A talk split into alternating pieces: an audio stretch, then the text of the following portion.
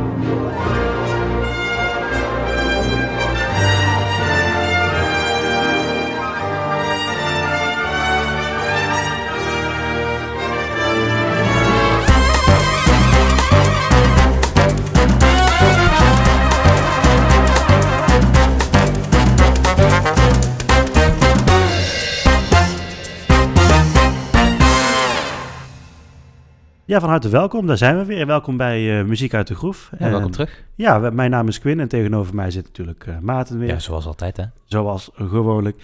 We gaan vandaag weer lekker verder met eh, John Williams, deel 2 vandaag.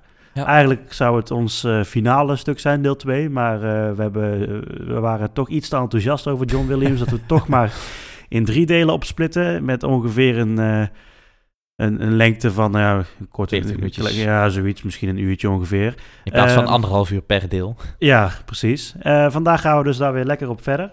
En vandaag eh, n- eh, neem ik je eigenlijk mee naar eh, onder andere Zwijnstein. En Ja. we gaan dinosaurussen bekijken. Ja. Ja, op Isla Nublar. en als jij nog een beetje in eh, elfen gelooft, dan heb ik ook nog wat elfen pixiedast eh voor Oh. je liggen. Dus Heel mooi. We gaan eh, eh, lekker los vandaag. Dus we zullen gelijk maar naar eh eh, Zwijnstein gaan. Heb je je bezem klaar liggen? Ik heb mijn bezem altijd klaar liggen. Oh, ja, ik heb ook nog een vliegende auto.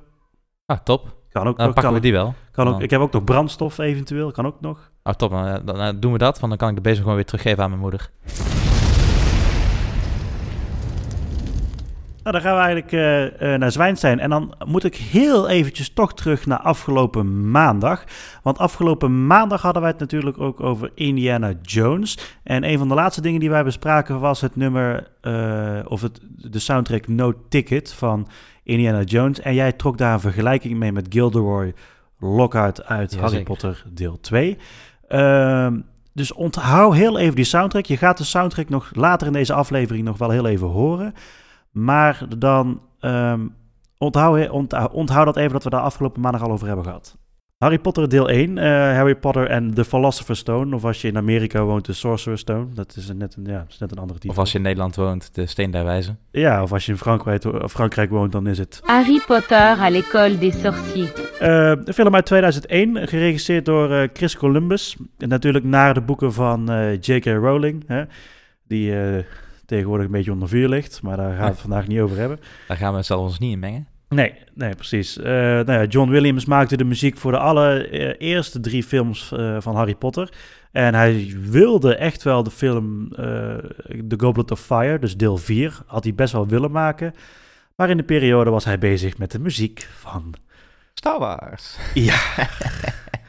Helaas. Dus, eh, nou ja, goed. Drie thema's, eh, of drie ehm, eh, filmmuziekjes van Harry Potter hebben we gekregen. Ehm, maar natuurlijk, Hedwig's Team is natuurlijk gewoon heel kenmerkend voor de Harry Potter films. Hè, Heel- zoals je, heel zeker wat je, wat je nu ook op de achtergrond hoort, Hedwig's Team. Wat ook wel leuk is, is dat Hedwig's Team gespeeld wordt. ik dacht in eerste instantie op een soort piano of zo, of een idee. Maar het wordt gespeeld Een op een... simpeltje achter iets. Ja, maar het is een, eh, Celesta uiteindelijk. En dat instrument dat John Williams, die hij vond dat, eh, of nee, hij vond, hij ging eens nadenken over hoe zou het zijn als magie een soundtrack zou hebben. Hoe zou dat klinken? En toen moest hij eigenlijk, eh, binnen een paar minuten moest hij daaraan denken, aan een Celesta. Je bespeelt het als een piano, zegt hij, maar het geluid wat eruit komt is totaal niet te vergelijken met die van een piano.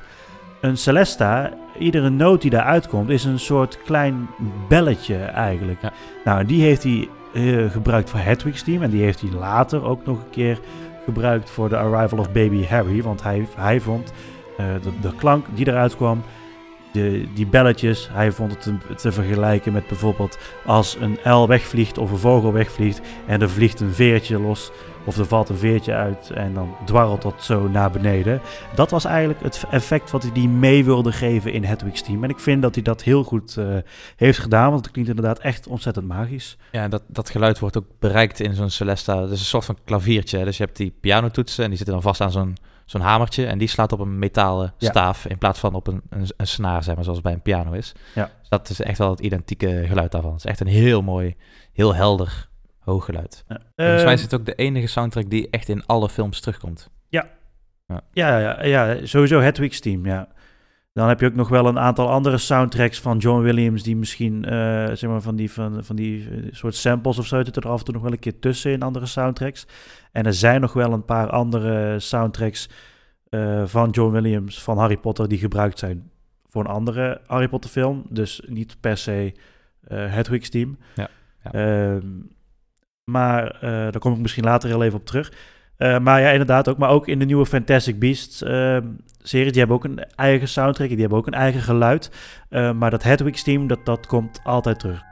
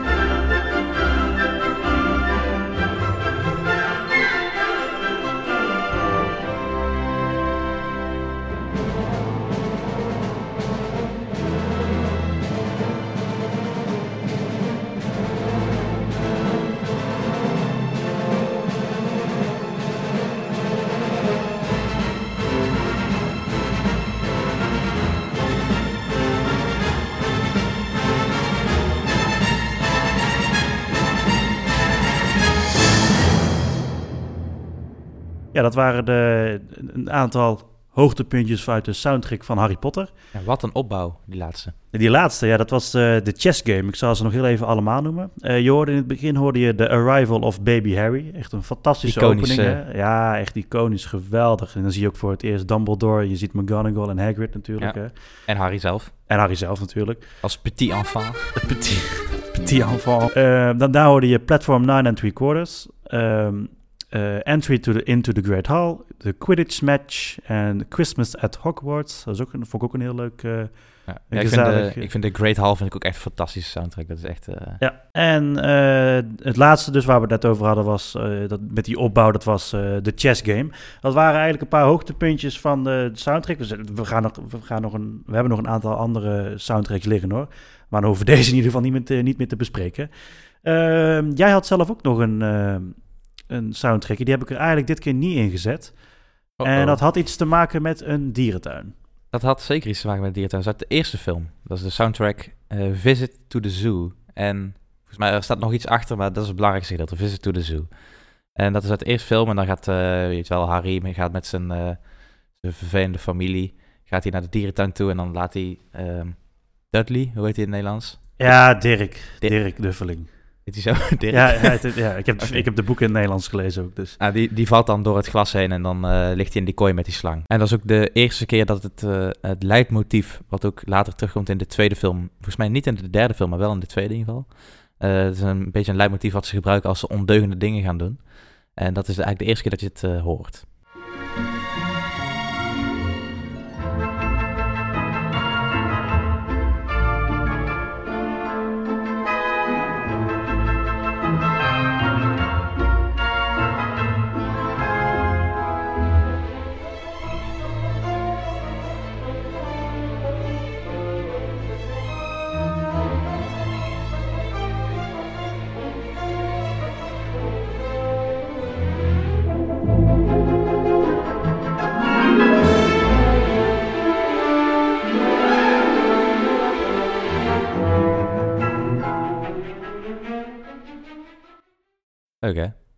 Heel leuk. ja, ik vind het is ook wel een hele toffe scène. En die muziek die past er ook bij. Want je hoort ook een beetje dat eh, eh, die slang die ontsnapt dan uiteindelijk. En Ja, die, precies. eh, die glibbert dan zo over die, over die Het stenen. is, de, het is de eerste keer dat Harry zelf magie ja, onbewust dan heeft gebruikt. En dat onderbouwt ook de soundtrack heel erg goed. Dat, dat linkt het goed aan elkaar. Dat gebouwtje staat er overigens nog steeds hè, in eh, de Londen Zoo. Ik was daar bijna geweest een paar jaar terug. Oh, Maar ik, weet- ik weet eigenlijk niet meer waarom we er niet meer zijn geweest. Maar ja, goed, maakt niet uit. Dat is ook heel grappig, want als ik weet wel, als je daar komt, dan hebben ze nog dat, dat precies dat glas zo staat. En dan staat er een bordje bij van, ja, dit is de scène met die slang uit Harry Potter deel 1 of zo. Zoiets staat erop. eh vond, ik wel, vond ik wel geinig. Ehm, een andere goede, een goede soundtrack van, van eh, uit Harry Potter deel 1. En die komt later inderdaad ook nog, net zoals deze, nog een keer terug in deel 2. Dat is het eh, thema van eh, Voldemort. En dat horen Hm, we ja. het eerste in het moment dat Harry naar eh Diagon Alley, of de Werrisweg in het Nederlands gaat. Ehm, daar hoor je dat thema voor het eerst. En hij gaat dan naar Diagon Alley en hij gaat dan geld halen bij eh Gringotts of Goudgrijp. En dat dreigende thema, dat kun je eigenlijk heel goed vergelijken als bijvoorbeeld toen wat jij vertelde over met, de Emperor in Star Wars. oh ja. ja. Dat, eh, dat, dat, ze hadden dan feest en dan hoor je de, de, de team van de Emperor hoor je nog. En eigenlijk hoor je hier die dreiging dat Voldemort aanwezig is, hoor je in deze soundtrack.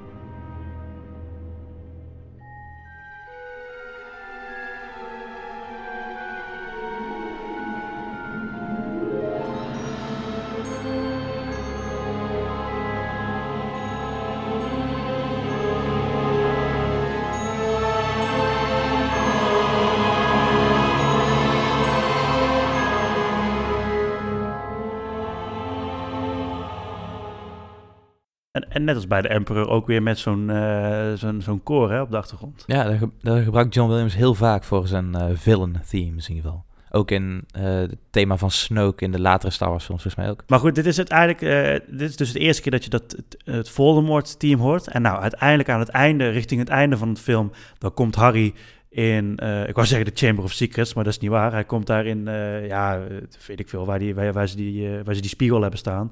Met Oh ja, professor... de, eh, de Room of Requirement is dat nee, nee, dat is, in de- dat is pas in deel 5. Dat, Oh. eh, dat is die kamer die, eh, die iedere keer verandert of zo.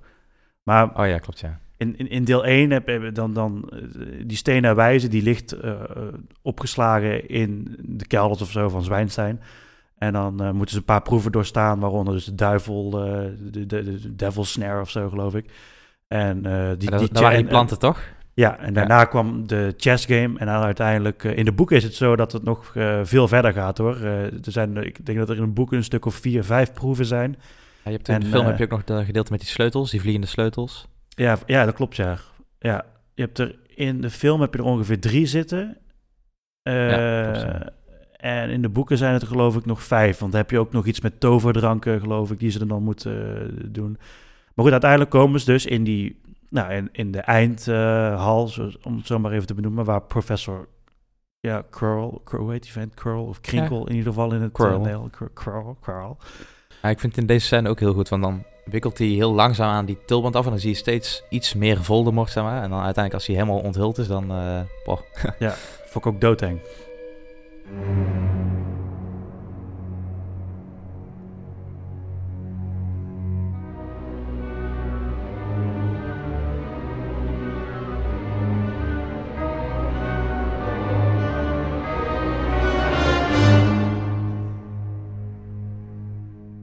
Nou, overduidelijk het Voldemort. eh Ook een Team, hè? fantastische, fantastische opbouw hier in deze soundtrack. ja, he- heel spannend. Ik zei het net ook al tien keer. Het is gewoon, eh, je kunt het echt hetzelfde vergelijken als met de dreiging die de Emperor ook heeft in de Star Wars films. Ehm, over de soundtrack van Harry Potter 1. Dat is ook, ook wel leuk dat eh, bijvoorbeeld in... ze hebben een paar jaar geleden... hebben ze een cd-box uitgebracht. Ja? Dat zijn, ik, weet niet meer, hoe- het zijn geloof ik zeven cd's of zo. En dan is het gewoon Harry Potter, de John Williams collectie. Dus dan zijn van alle drie de films hebben ze dan verzameld over ze- zeven cd's. Maar dan ook echt alle soundtracks, al is het, al is het op een fluitje na of zo, zit op, staat op die cd. Hij staat ook, hij kost 100 nog wel euro, maar hij staat ook gewoon op YouTube. Er zijn dan ook de korte stukjes die ze dan uit een andere soundtrack hebben gehaald. En dan 30 seconden ervan die ze op een ander moment gebruiken of zo. Of, Ja, zoiets. Bijvoorbeeld eh, in, in deel 1, eh, dan lopen ze op ongeveer, dan lopen ze even naar Hagrid toe, naar het huisje van Hagrid. ja, ja. En dan zit hij daar zo'n fluit te spelen. En dan hoor je eh, de fluittoon, die, hij, die melodie die hij speelt, is van eh Hedwig's Team. Ehm, en en eh, nou, dat stukje, dat zit daar ook dat op. staat, ja, dat, staat, dat staat daar bijvoorbeeld ook op. En dat vond ik wel eh, heel erg geinig. Dat is wel leuk. Ehm, we hadden het net ook al heel even over. eh, nou, we verlaten eigenlijk deel 1 eventjes. En dan eh, gaan we gelijk door naar ons tweede jaar in, eh, op Zwijnstein. En dat is, on- ons tweede jaar. ja, ons tweede jaar. Eh, Harry Potter deel 2, Harry Potter The Chamber of Secrets, in 2002 eh, uitgekomen. Ook weer geregisseerd door eh, Chris... Chris ik, eh, ik ben elke keer geneigd te zeggen Christopher Columbus. Maar Chris Columbus. Eh, maar de muziek, ik heb daar geen eh, mix van, want de muziek is eigenlijk voor een groot gedeelte hetzelfde gebleven. Ehm, eh, zo heb je bijvoorbeeld Introducing Colin. Dat is dat jongetje met die fotocamera, inderdaad. Ehm, maar die ontmoeten ze in The Great Hall. En die soundtrack daarvan is eigenlijk hetzelfde als, eh, of nagenoeg hetzelfde als eh, Entry in, into the Great Hall in deel Mhm. 1. Wel is het zo dat er, omdat er natuurlijk, er zijn in deze film een aantal nieuwe personages eh, bijgekomen. Nou, we hadden het net al even over. Hè? Gilderoy Lockhart is erbij gekomen, die had een eigen team. Eh, Morning Myrtle, Jammerende Jenny, die heeft een eigen team. Oh, heet die echt zo in het Nederlands, joh? Jammerende Jammer Jenny. Oh, Ja. vreselijk. Ja, ja, ik weet ook niet waar, waar ja, ja, Moaning Myrtle, Jammerende Jenny, ja. Het is een prima vertaling, maar ja, ik vind het zo gek dat jij al die benaam... Ja, Ja. ook- ja, Ik heb het nooit in het Nederlands gezien, hè? ik heb de boeken in het Nederlands gelezen en ik heb de films als kleinkind heb ik hem ook in het Nederlands gezien, want die waren nagesynchroniseerd. Dus, Ja, ik Ja. heb me- wij hadden hem in het Engels op videoband. dus ik, al die Nederlandse termen, die staan bij mij echt nog in mijn heug- geheugen gegrift. Dobby de Huiself, die heeft ook een eigen team. Dat is ook echt een heel leuk eh, Ook zo'n thema. is dat. quirky eh, thema. Ja, ja, dat is niet echt. Ja, het is niet per se quirky. Het is meer. eh, het is een beetje. eh, ja, hoe, moet- hoe moet je het uitleggen? Misschien als we er even naar gaan luisteren, dat we het dan weten.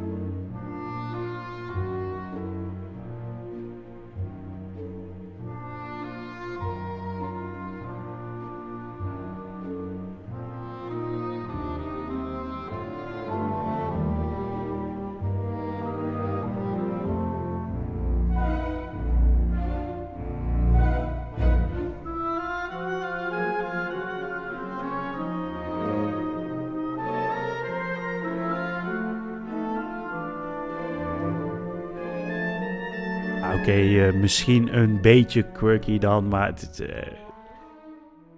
ik vind het nog steeds wel meevallen hoor. Er, er zitten wel quirky onderdelen in. Het is niet, de hele soundtrack is niet quirky, maar af en toe een stukje en dan heb je weer een, serieuzer deel. Het is gewoon een beetje een, vrolijk deuntje ertussendoor. Het is ook een beetje.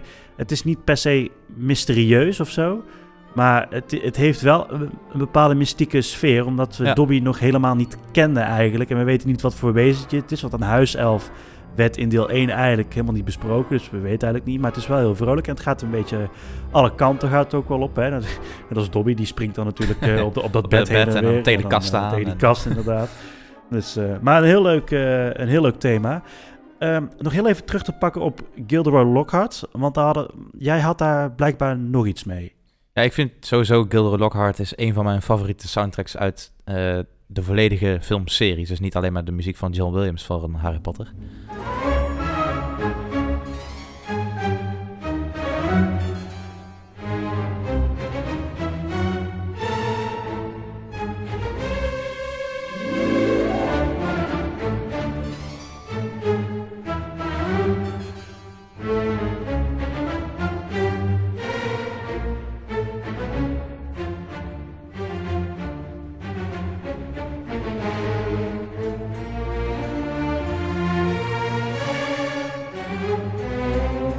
Maar die soundtrack komt ook weer terug als leidmotief bijvoorbeeld in eh, andere stukken. Maar bijvoorbeeld voor met name de, de Dueling Club. Dan Ja, eh, ja. gaan ze op tafel duelleren met Snape, weet je wel? Dat, eh, ja, dat is- in de, in de grote hal.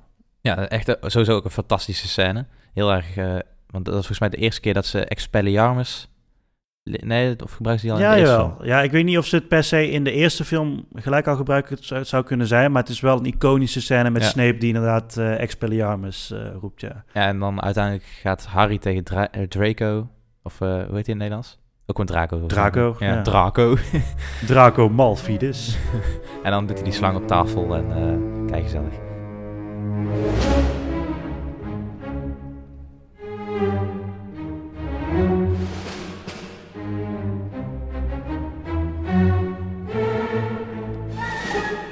Fantastisch hè, die battle drums. Die, Ja. die drum snare, heerlijk. We hadden het net over dat er eh, een heel veel nieuwe personages bij waren gekomen. Dus dan krijg je vanzelfsprekend ook hele nieuwe ehm eh, thema-muziek ervoor. Eh, dat had je bijvoorbeeld ook met eh, de, de, de soundtrack The Spiders. In, een- in, in die scène is het zo dat, op, dat ze op een gegeven moment eh, Harry en Ron eh, komen volgens mij in een hal van Zwijnstein terecht. En, dan zien ze dat die spinnen over de muur eh, heen kruipen. En dan komen ze bij eh, Ara, Aragog of zo. Dat was... eh, Ja, Aragog inderdaad. ja, dat was die grote spin van Hagrid. Hè? Want ze dachten vroeger dat, dat Aragog het monster was wat in de geheime kamer leefde. En omdat Hagrid het beestje was van Hagrid, dus het was de schuld van Hagrid. Hagrid zou de geheime kamer hebben geopend. Nou, dat was uiteindelijk niet. Jij gaat mij... later heb jij, heb, heb jij mij nog een thema voor me voor, van bijvoorbeeld Jurassic Park, waar jij niet naar kon luisteren. Daar gaan we straks even naar luisteren. Nee. ik ben heel Dus ik ben heel benieuwd wat dat precies is. Maar ik heb dat dus met, met deze soundtrack, met de Spider. Het is een heel, heel onaangename soundtrack. Het is, het is ook, als je ernaar luistert, dan heb ik ook het idee dat er net allemaal van die spinnen over mezelf heen lopen. Het is echt heel naar. Een van de allermooiste soundtracks die John Williams voor Harry Potter, die drie delen die hij heeft gemaakt, dan wel gemaakt heeft. Eh, ook uit deel 2. En dat, gaat, eh, dat is het thema van de Phoenix. Eh, Fox de Phoenix of Felix de Phoenix. Ja, Felix in het Nederlands. Ehm, dat thema hoor je voor het eerst op het moment dat Harry eh, op het kantoor van Dumbledore komt, Perkamentus komt. Ja. En dan vliegt die eh, Phoenix In de fik. vliegt in de fik. Harry schrikt zich helemaal dood, omdat hij die Phoenix op ziet gaan in vlammen en denkt, oh, ik, ik was het niet. Nee, precies.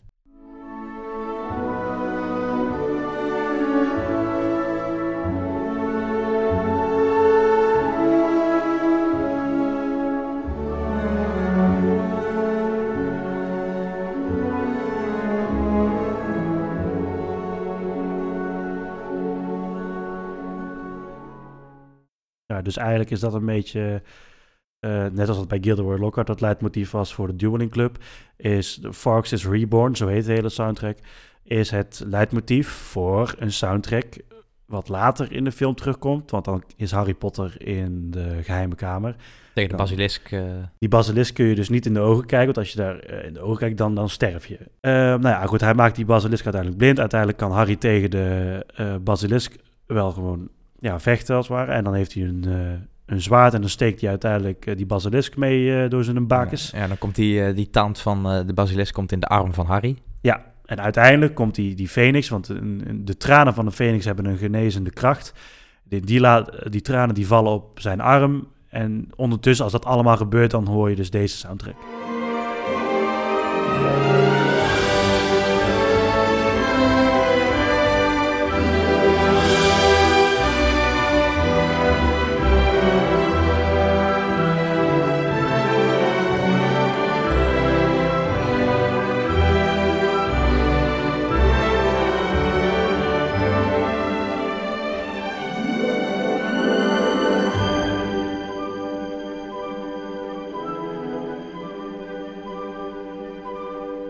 Phoenix haalt ook Harry, eh, Ginny en eh, Ron en Gilderoy Lockhart uit de geheime kamer. Dat is ook een scène dat ze dan eh, achter die vogel hangen en dat ze dan zo naar boven gevlogen worden. Dat is echt heel grappig. En die Gilderoy Lockhart die heeft zichzelf dan vernacheld, hè. Oh ja, ja die, Die, heeft niet meer geheugenverlies. En dan zie je hem zo, dan vliegen ze weg en dan zegt hij op een gegeven moment zo van, oh, it's just like magic of zo. Dat echt, staat echt helemaal nergens. Dus zo'n droog personage. Ook weer zo cheesy. eh.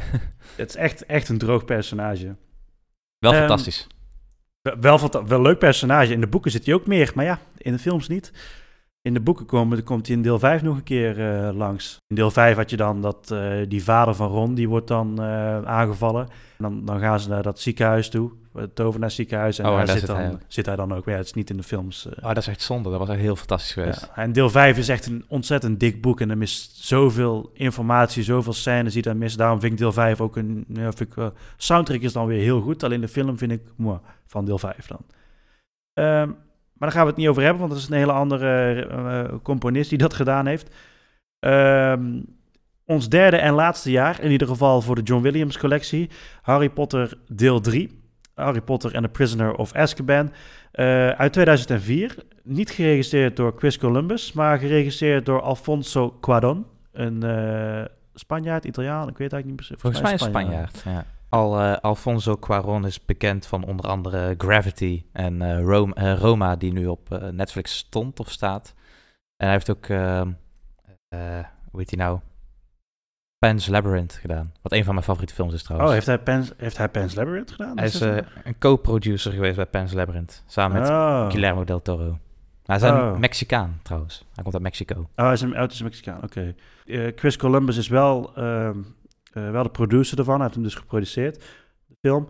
Ehm, in eerste instantie was het wel zo dat Chris Columbus de film weer ging regisseren, maar was, eh, hij was gewoon fysiek uitgeput naar, eh, eh, de, naar aanleiding van de vorige films. Stiekem was hij gewoon te druk bezig met Star Wars, net als John Williams. Nee, volgens mij heeft hij niks gedaan voor Star Wars, toch? Nee, nee, nee. nee. Ehm, wat wel grappig is trouwens, even toch, al- nu toch even over die regisseurs hebben, is dat de acteur van Gilderoy Lockhart, Kenneth nog wat, die stond ook op het lijstje van regisseurs. Hij is namelijk zelf ook regisseur. Hij heeft Thor, de eerste Thor-film heeft hij gedaan. Oh ja. A Murder on the Orient Express, daar speelt hij in en volgens mij regisseert hij die film ook. Nou, vond ik niet zo fantastisch in die nieuwe film. Oh, ik vond hem, ja, ik vond hem wel geinig. Eh, maar die stond ook op het lijstje van regisseurs, maar hij is het dus eh, niet geworden. Ehm, even kort naar, de, naar een beetje, niet per se het verhaal van de film, want dat is denk ik altijd wel duidelijk voor iedereen die de films... Ik denk dat iedereen hem wel een keer heeft gezien. Als je hem niet hebt gezien, dan open je Wikipedia Volgens maar. mij is het ook over het algemeen de meest geliefde Harry Potter film. Voor mij wel. Ik vind het de allerbeste Harry Potter film die er is. Er zijn er een Ja, paar mee oneens. Maar de hele, die Alfonso Cuarón, die heeft er een hele aparte sfeer aan gegeven. Een hele andere setting. En heel stom, maar er waren details in die films die je in de eerste twee delen niet had. Heel, heel lullig, maar je had in deel 1 en deel 2... Als dan Harry Potter of Hermione, of maakt niet uit wie, had je ze altijd in eh, gewaad, in, in het schoolgewaad zag je ze. Ja. In deel 3 Als de ja. privékleding. alles privékleding. Ja, dat is een heel lullig detail, maar het is wel om... Ja, kijk, Harry Potter is niet realistisch, maar om het bij een realistisch beeld te houden, vond ik dat wel heel tof. Het voegt ook meer toe aan de personages als qua persoonlijkheid ook. Ja, En, en wat ook opvallend was in de film is dat je meer een idee kreeg van hoe het kasteel in elkaar zat en de landschap eromheen en waar, waar de, de, de, die treurwilg, die knots, eh, ja waar die precies de stond. Womping Willow waar die Ja. staat en waar het hutje van Hagrid zit en dat soort dingen. En een aantal nieuwe personages. Eh, Gary Oldman, fantastische acteur als eh, Sirius Black. Eh, David Thewlis, als ik het goed uitspreek, ik weet niet precies, maar als professor Lupos, of Lupin in ieder geval. Mijn favoriet van die film. Echt Ook je fantastisch. fa- favoriete personage of... ja, ik denk wel favoriete personage. ja. Ja, dat snap ik wel. Een leuk personage, inderdaad. Ehm, en niet te, niet te vergeten trouwens dat eh, Michael Gambon eh, de rol van Dumbledore overnam van Richard Harris. Omdat Ja. Richard Harris helaas kwam te overlijden een paar maanden voor de première van eh, Harry Potter and the Chamber of Secrets. Ik vind Ehm, ze beide overigens sterke Dumbledores, allebei. Beide goeie. Ja, en dat sterk mag je ook best wel letterlijk nemen als je gaat kijken in deel 4. Met eh, Harry, did you put your name in the goblet of fire? Did you put your name in the-" Ja. Terwijl het in de boeken is het gewoon eh, van Harry, did you put your name in the goblet of fire? Asked Dumbledore calmly. ja, ik, ik vind het nog steeds fantastisch. Eh, maar ik, ik zei het ook al, Alf- Alfonso Cuarón die gaf deze film een hele andere wending dan de vorige films. Het was ook echt een keerpunt in de Harry Potter films. Vanaf dit moment zouden de films echt een stuk donkerder zijn. De franchise die, die veranderde daarmee echt eh, heel Ook- goed. Ook qua soundtrack veranderde het heel erg in sfeer. Ja, dus de, dat, nam dus dat nam dus inderdaad met zich mee dat de soundtrack ook ja, niet, niet per se moest veranderen, maar wel drastisch veranderde ten opzichte van de vorige films. Daar heb ik even een klein overzichtje van.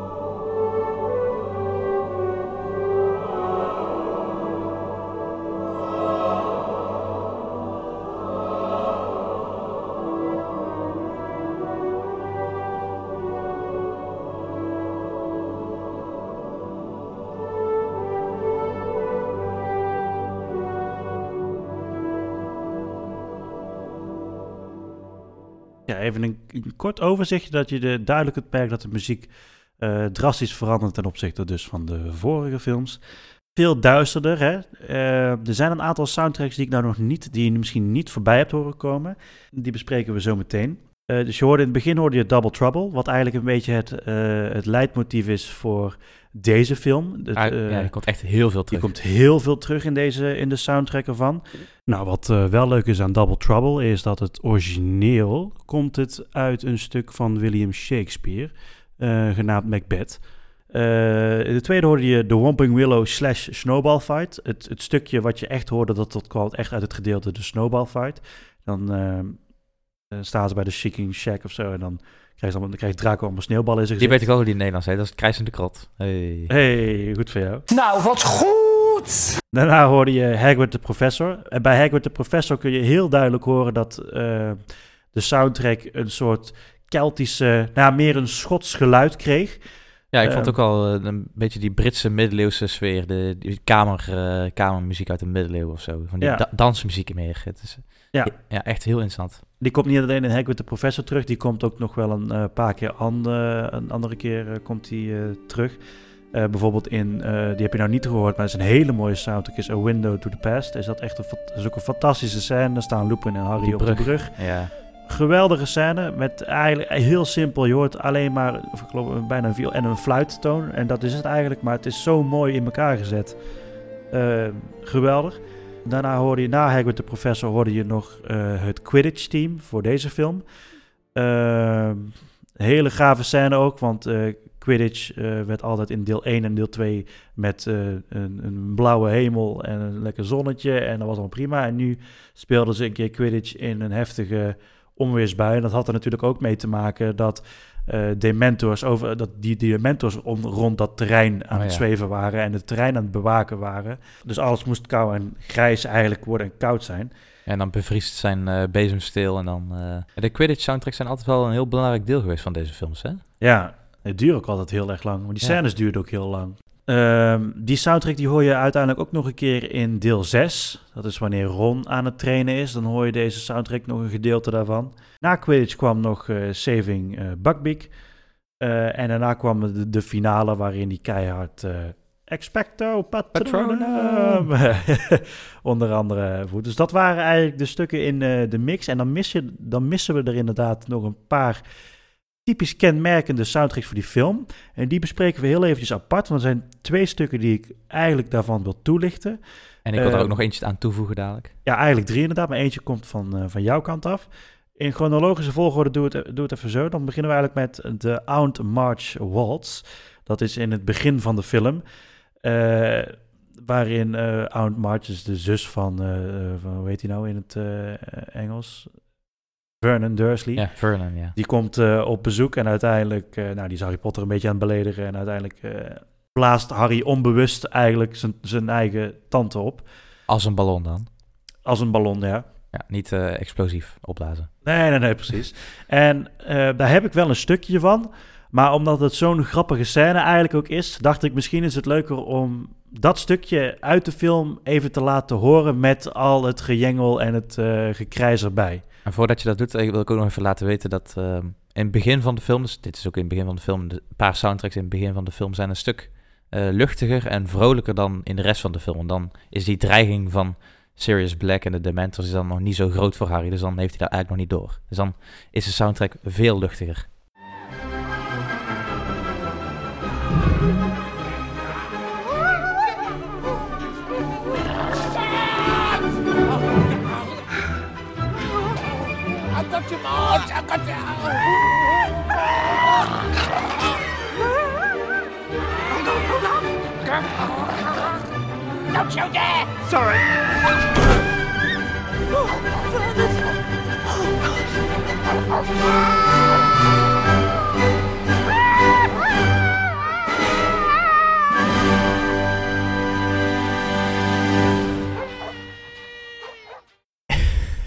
Ja, ik, vind, ik dacht echt van, ik kan ook de instrumentale, dus echt de originele soundtrack laten luisteren, maar ik vind dit, zo, ik vind dit veel leuker. Ik vind die soundtrack, dat gekrijs van die Oud March vind ik zo grappig.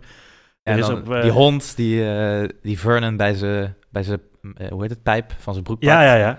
Dan vliegen ze, alle, dan vliegen ze zo Ja. omhoog. Het mooiste vind ik nog dat dan die, die Dudley Dursley, die eh Dirk Duffeling, die staat daar in, in, in, in de woonkamer van, ja, het, eh, het zal wel, eh, voor mij is het alledaags wat hier gebeurt. Dus, eh, Je krijgt ook zo'n knoop tegen zijn kop aan. ja. maar de, de soundtrack zelf, het, het, het begint gewoon heel langzaam. Want natuurlijk, zij, zij, ze blaast zich natuurlijk langzaam op. Dus Ja, het het begint bij de vingertopje. En ja, dan, dus net als, de, net als in de film blaast de soundtrack zich een beetje, een beetje op. En uiteindelijk komt, komt dat dus op het klapstuk wat je dus net hoorde. Is ook heel leuk in die scène dat op een gegeven moment Harry die heeft dan uiteindelijk toch zijn koffer gepakt en dan loopt hij over straat. oh ja, dan zie je en dan zie je in de verte Ja. zie je nog eh, en dan hoor je ook nog. "Ah! Ah!" echt hilarisch die scène. Ja, dat is echt geniaal. Ehm, over, over die scène trouwens, dat hij eh, toch naar buiten loopt en dat ik hoor dat die Aunt March eh, staan. Uiteindelijk wordt hij dus opgepikt door een bus. En dan Ah. komen we volgens mij bij het gedeelte waar jij het graag over wilde hebben. Ja, dan heb je echt weer een, een klassieke John Williams soundtrack. Wat meer neigt naar zijn eh, vroegere periode eigenlijk ook. En ja, ook, ja, meer zijn jazzy periode. Hij heeft een beetje een, tijd een jazzperiode gehad. En dat merk je hier ook heel erg goed. De Nightbus is echt wel heel anders dan de rest van eigenlijk alle, alle soundtrack van Harry Potter. Niet alleen van John Williams, maar het is echt een eh, klassieke, klassieke jazz.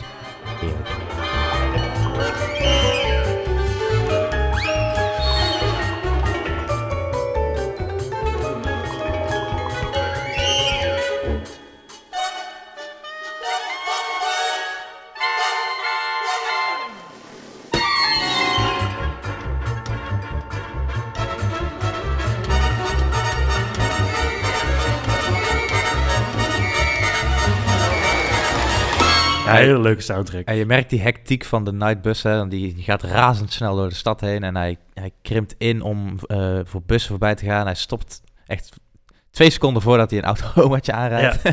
Echt hilarisch. En ja, ik zei het net al, het is echt die, eh, die jazzperiode van John Williams die weer naar boven komt. Dan moet je denken aan eh, de film Catch Me If You Can. Die heeft ook een jazz soundtrack. The Terminal er zit ook wat jazz stukjes in. Het is echt wel... Maar dat zijn allemaal latere werken geweest, toch? Catch Me If You Can. Nou, Catch Ja, Me If You Can is trouwens beetje- 2002. ja, een beetje afhankelijk van hoe je gaat kijken. Nu is het alweer 20 jaar geleden bijna. Maar ja, John Williams is alweer eh 40, 50 jaar bezig of zo. Dus, dus Ja. ja, voor ons is het al wel even geleden, maar in zijn carrière is het redelijk laat geweest inderdaad. Er is echter één soundtrack bij.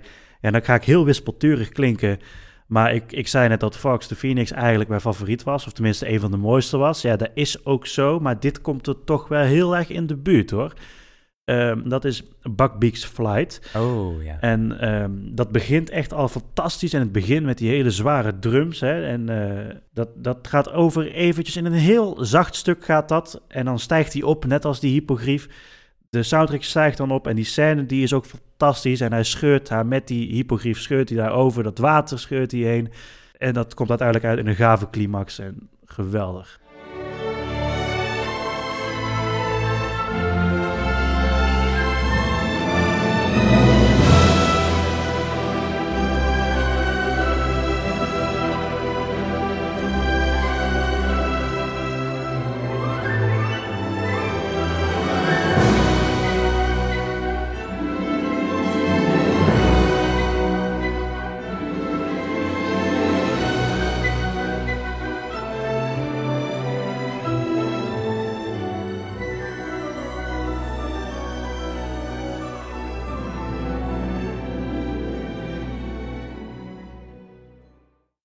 Ja, geweldige soundtrack. Echt. Dat, dat, dat heeft alles wat je wilt, vind ik, in zo'n eh, soundtrack. In, die scène, een van de meest legendarische scènes Harry Potter, vind ik hoor. Ja, dat is ook wel zo. Ja, hij voelt zich dan ook eigenlijk volgens mij voor het eerste moment echt vrij. Vrij. En dan staat hij daar zo met zijn gespreide armen alsof het de Titanic is. Of op de hippogrief. Ja, En dan die poot die door het water heen scheurt. Zo. Ja, dat is echt fantastisch. Ja geweldig. Krijg, ik- op een manier krijg ik gewoon kippenvel van als ik Ja, het ik heb. ook. Dat is, ook, is trouwens ook leuk als jij eh, eh, ooit een keer eh, gaat vliegen. Dan moet je eigenlijk deze soundtrack opzetten. Geweldig. Als, het vliegtuig dan omhoog stijgt en dan... ik, ik heb het serieus al een paar keer gedaan, dus daarom weet ik het ook. en dan met, dan met deze soundtrack op. Ja, ja eh, episch. Ik heb nog nooit gevlogen, maar ik zal, hem, ik zal het onthouden. Als ik ooit ga vliegen, dan... eh, Zeker doen. Eh, ja, dan houdt het hier eigenlijk voor Harry Potter eh, even op. Ik zei het net een beetje aan het begin al. Hij had heel graag eh, deel 4 willen doen. Helaas is dat niet geworden, omdat hij het dus te druk had met Star Wars.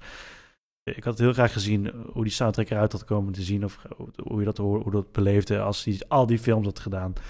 Lijkt me echt fantastisch. Maar ja, Ja. het Ah, mocht niet zo zijn. Ondanks dat hij niet alles heeft gedaan, zijn er nog steeds fantastische soundtracks gekomen. Hoor. De, de Umbridge Team bijvoorbeeld, die niet van John Williams is, van Patrick Doyle? Of, eh, nee, dat is of Nicholas Nic- Hooper. Nicholas Hooper, ja. Nicholas Hooper, ja. Fantastische soundtracks Ja. ook. Dus eh, er zijn nog steeds legendarische soundtracks gemaakt die niet door John Williams zijn.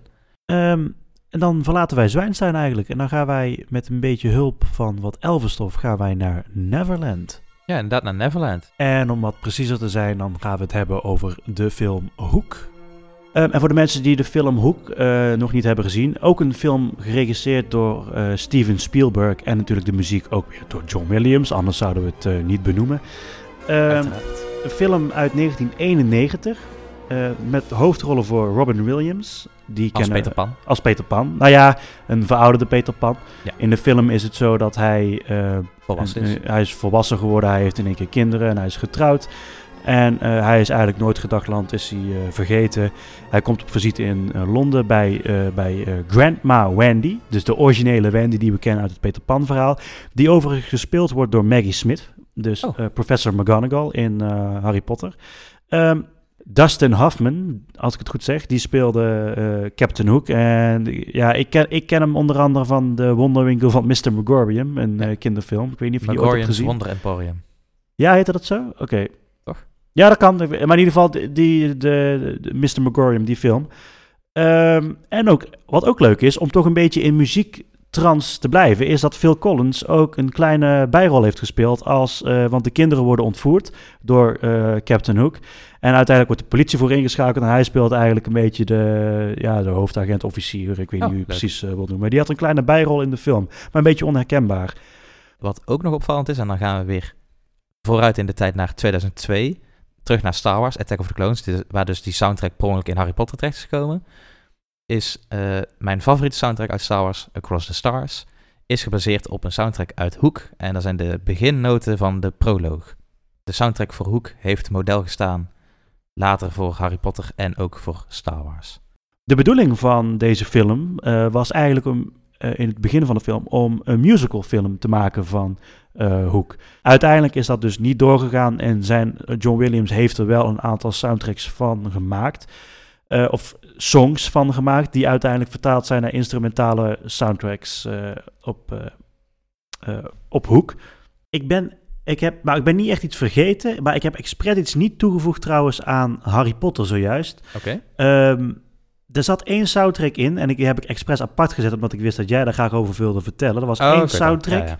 Eh, uit Harry Potter deel 2. Eh, die heb ik even apart gezet en jij gaat me vertellen welke soundtrack dat was. Precies, dat was de soundtrack The Polyjuice Potion. En daar gebruiken ze een leidmotief wat ook in de eerste film zit als Harry Potter naar de zoo gaat en die slang tegenkomt. Ja. Eh, daar, het leidmotief komt in Polyjuice Potion echt heel erg goed terug.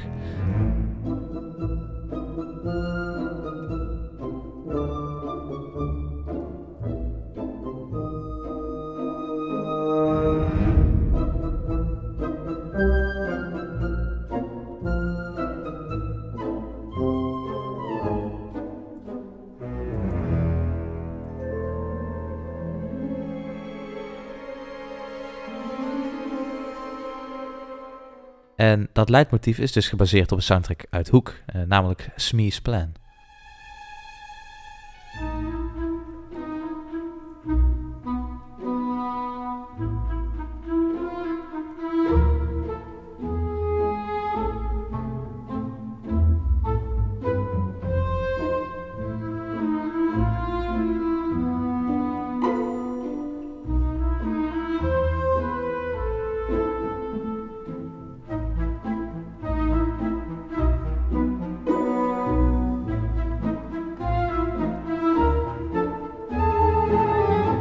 Heb je in Hoek een van de laatste soundtracks volgens mij, is eh, Remembering Childhood, uit, dus Hoek uit 1991.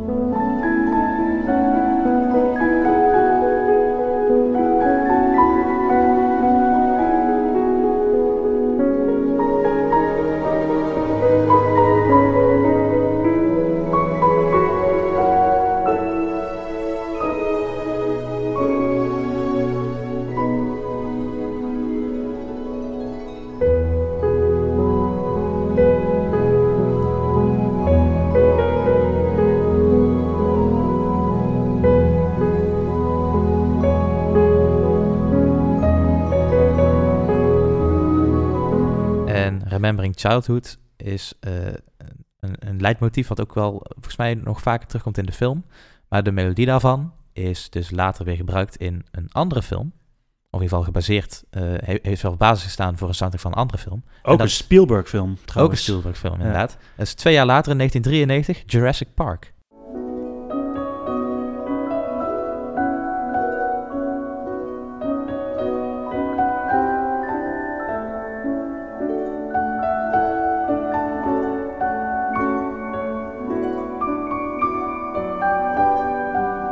Eerste wat je hoort is de soundtrack van Remembering Childhood uit Hook. Dan heb je het, eh, ja, het, het on, eh onbegrijpelijke, ja, hoe, hoe moet je dat noemen? Het onwetende van kinderen, de enthousiasme. Het onschuld. Ja, de onschuld en de verwondering, denk ik.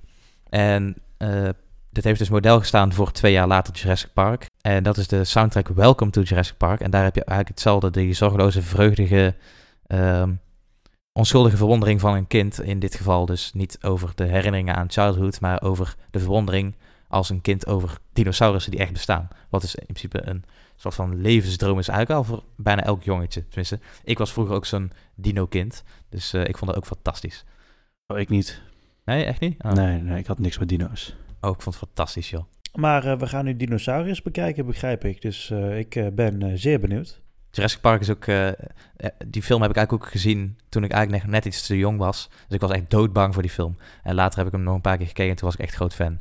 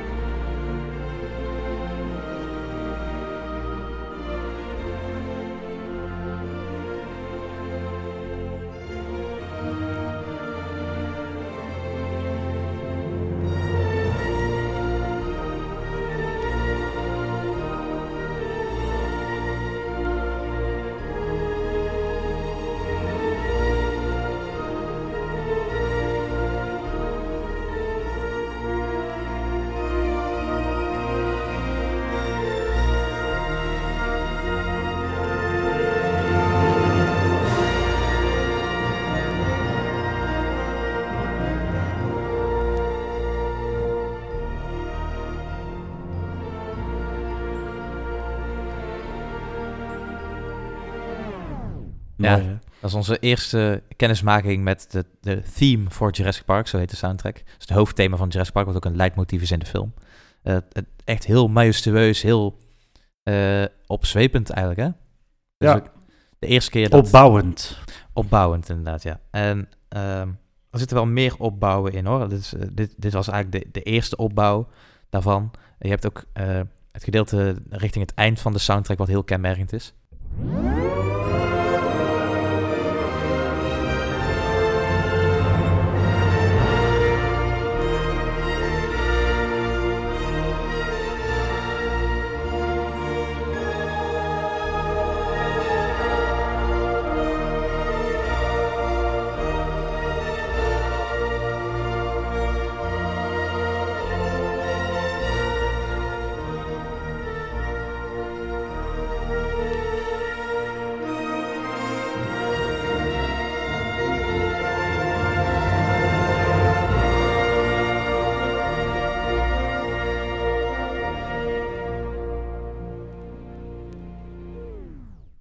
Hier heeft het, eh, het, het zachte, majestueuze meer plaatsgemaakt voor het echt epische en echt meer aanwezige idyllische koor op de achtergrond, dat heel opvallend is.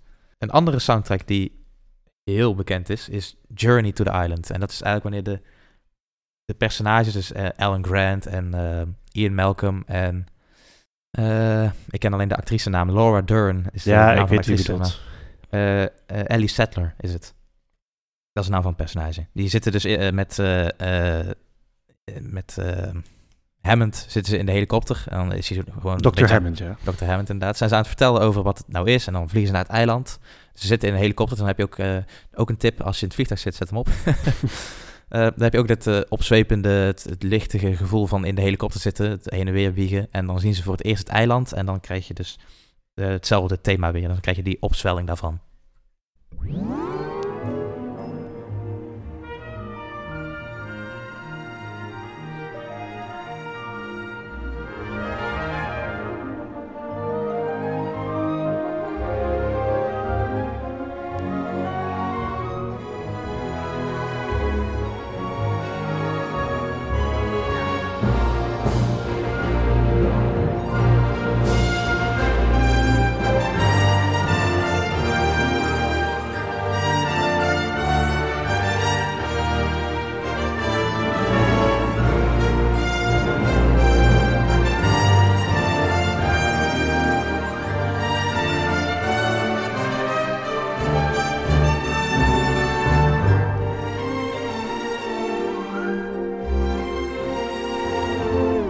Echt wel een, eh, ook weer een meesterlijke soundtrack. I- identiek herkenbaar ook als Jurassic Park. Dit, eh, het is dus ook teruggebracht in de latere films van Jurassic World, waarvan de muziek niet gemaakt is door John Williams zelf.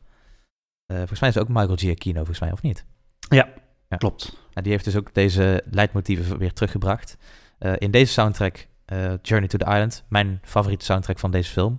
Het is acht minuten of zo. Ja, klopt. Acht, iets meer dan acht minuten. Ja. Ja. En het is eh, opbouw na opbouw. En dan heb je een rustig tussenstukje. En dan heb je weer een opbouw, het opzwelling. Het is, eh, ik, heb, ik heb nog een tweede fragmentje van precies zo'nzelfde opzwelling. Dat eigenlijk wel mijn favoriete versie is, denk ik.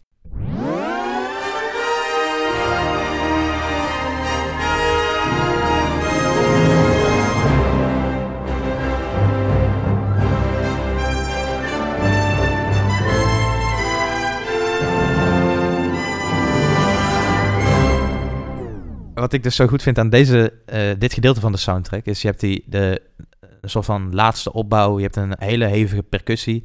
Echt goede doorborende trompetten. En hierna komt een, eigenlijk het eerste stukje van het leidmotief wat meer rustig is. Dus dan gaan we even luisteren naar het leidmotiefje.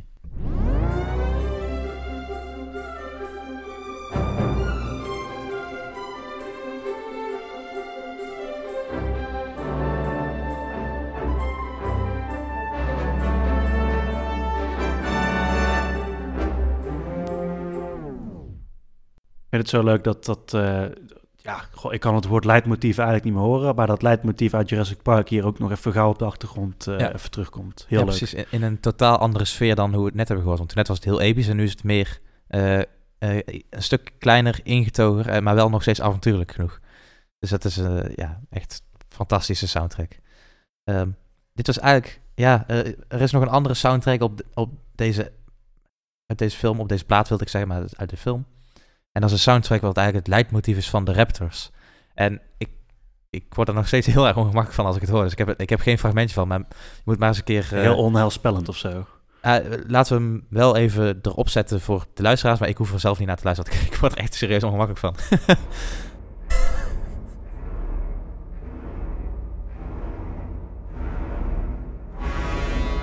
Wat ik bedoel? Ja, het is heel naar. Ja, het is echt heel naar.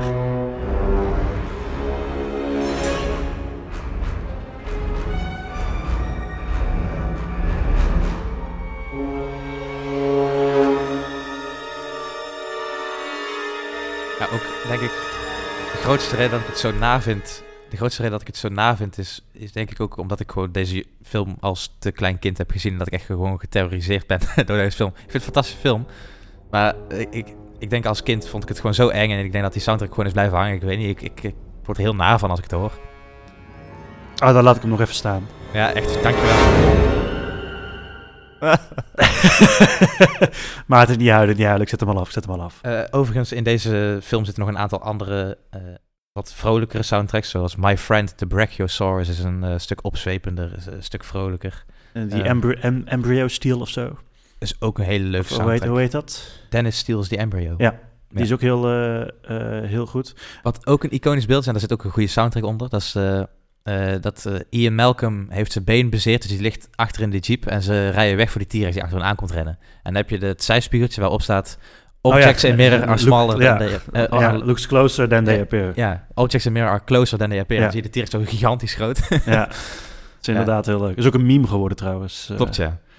eh, ja, nee, fantastische film Jurassic Park. Eh, er komt, eh, de andere film die eraan komt, die heet Jurassic World Dominion, als ik me niet vergis. Dominion inderdaad, ja. Of de, ja, eh, daar, daarin komen wel Dr. Grant en Dr. Settler komen wel weer terug.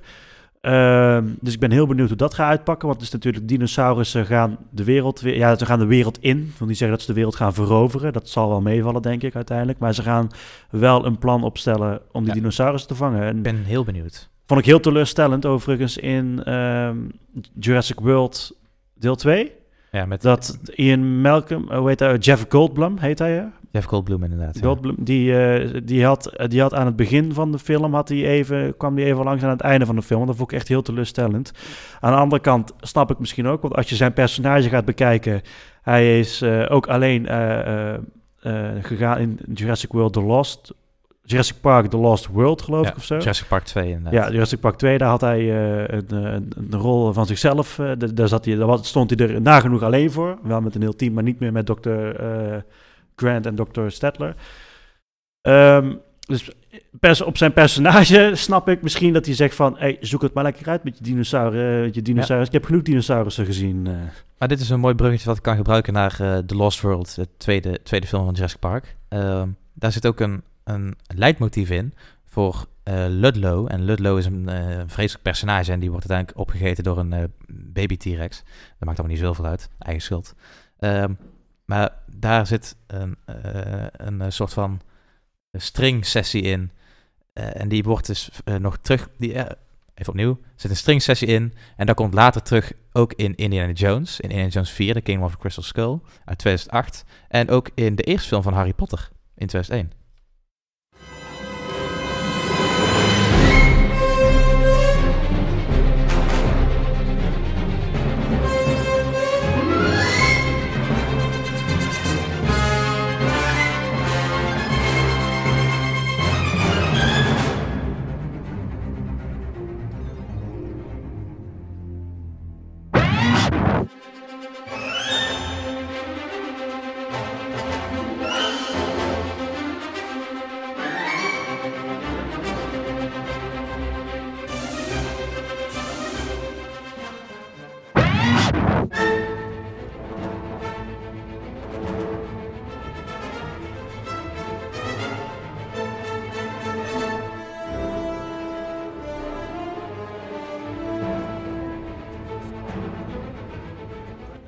Dat, dat eh, laatste stukje, dat was heel overduidelijk Indiana Jones. Ja, het, het eerste fragment was uit eh, Jurassic Park Lost World. Het tweede uit eh, Harry, Potter. Potter. Dat was het gedeelte dat ze Quidditch spelen voor de eerste keer. Ja, ja. En dan inderdaad Indiana Jones als laatste. Ehm, in, in deze film, in The Lost World van Jurassic Park, zitten ook een aantal andere leuke soundtracks. Gedeel- ik, ik weet uit mijn hoofd niet welke soundtrack dat is. Maar dan hebben ze, zitten ze allemaal in van die voertuigen en dan gaan ze allemaal jagen op de dinosaurus. Dat is echt de beste scène uit de hele film, want de hele film is echt ruk. Maar die, die scène is fantastisch. Gaan ze daar allemaal achteraan. Hele leuke scène. Hele leuke soundtrack. Voor de rest valt allemaal wel mee. En eh, eh, Jurassic Park 3 vond ik ook niet super spectaculair qua soundtrack. Dus laten we daar heel kort over zijn. Jurassic Park 1, fantastisch. En heeft ook veel betekend voor de filmmuziek. Heeft ook weer een hoek naar hoek. en eh, ja, ik vond mezelf heel grappig. En heeft ook weer eh, hoeks naar Harry Potter, de eerste film, en Indiana Jones 4 uit 2008. Er zijn natuurlijk nog ook heel veel films. ehm, van- door, ook onder andere gemaakt door Steven Spielberg en Joe Williams. Want die samenwerking is natuurlijk fantastisch geweest. En ook eh, Een legendarische samenwerking. een legendarische samenwerking inderdaad. Nagenoeg bijna alle Spielberg-films heeft John Williams al een soundtrack eh, voor behandeld. Op een paar na. In deel 2 gaan we bijvoorbeeld hebben over de soundtracks die we nog niet hebben gehoord. Daar eh, spreken we over andere E.T., Superman, Jaws. Jaws inderdaad. Eigenlijk, Jaws is misschien nog wel het, het, het- de eerste soundtrack van Joe Williams die echt daadwerkelijk wel iedereen kent. Ja, samen met Steven Spielberg ook weer. Ja, ehm, en nog veel meer films zullen we behandelen. Ik wil dit keer eigenlijk niet afsluiten met onze outro. Ik wil eigenlijk afsluiten met eh, een stuk uit Harry Potter deel 1. Dat heet Leaving Hogwarts. En waarom wil ik dat nog even benoemen? Is omdat ik dat eh, ook... Nou, natuurlijk, ik zei net Fox Phoenix als mijn favoriet. Maar dit is misschien ook fantastisch. En dat is, komt omdat het gebruikt werd in deel 1 aan het einde van de film. En eh, dit werd ook gebruikt in deel 8. In die scène 19 jaar later. Dus dat, ze, dat Harry Potter ouder is geworden, de Voldemort is weg, kinderen ze gekregen. Terug op het eh, perron van eh 9 en 3 quarters en dan... eh, Ja. ja. En nou, dat stukje, dat is zo'n ongelooflijk mooi stukje. En daar wil ik eigenlijk vandaag de aflevering een keer mee afsluiten. Ehm, Maarten, ik dank jou weer. Ja, jij ook bedankt. We zetten natuurlijk alvast wel een aantal van deze soundtracks in onze afspeellijst aanraders uit de groef. Volg ons voor de rest op Twitter en Instagram. Op Instagram is dat muziek uit de groef en op eh, Twitter is dat uit de groef. En dan nogmaals Maarten, ik eh, bedank jou en ik zie jou komende vrijdag. En geniet nog heel eventjes van eh, dit stukje uit Harry Potter.